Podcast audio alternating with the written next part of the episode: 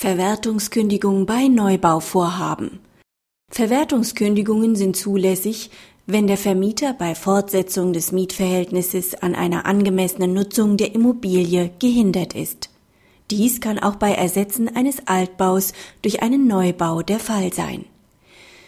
Die Vermieterin will in einer teilsanierten Siedlung aus den 1930er Jahren den einzig verbliebenen Wohnblock, in dem nur noch die Beklagte wohnt, ersetzen.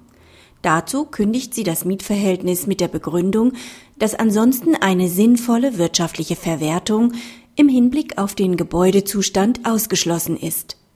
Die Mieterin verweigert unter anderem deshalb den Auszug, weil der Kündigung keine Berechnung über die wirtschaftliche Nutzbarkeit beigelegen hat.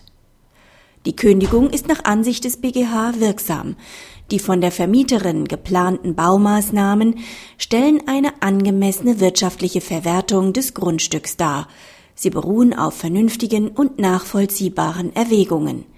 Die Immobilie befindet sich in einem den heutigen Wohnverhältnissen nicht mehr entsprechendem Zustand. Die weitere Bewirtschaftung des Gebäudes ist der Klägerin nur wegen eines möglichen Bestandsinteresses der Mieterin im Hinblick auf die Verwirklichung einer Gesamtkonzeption der Wohnsiedlung wirtschaftlich nicht zuzumuten. Durch eine Rücksichtnahme auf das Mietinteresse entstünden ihr sonst erhebliche Nachteile. Es ist nicht ersichtlich, dass diese die Interessen der Klägerin übersteigen.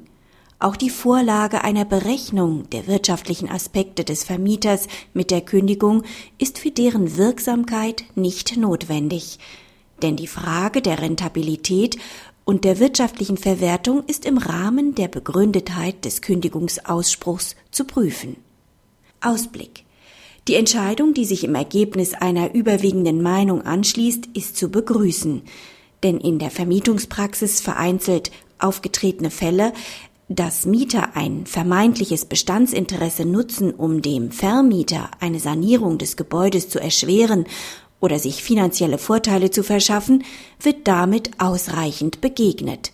Vermieter laufen nicht mehr Gefahr, sich zur Umsetzung vernünftiger wirtschaftlicher Konzepte gleichsam freikaufen zu müssen. Da die Abwägung der beiderseitigen Interessen von den Instanzgerichten wahrgenommen werden muss, hat der Mieter darzulegen und zu beweisen, dass sein Bestandsinteresse das wirtschaftliche Interesse des Vermieters übersteigt.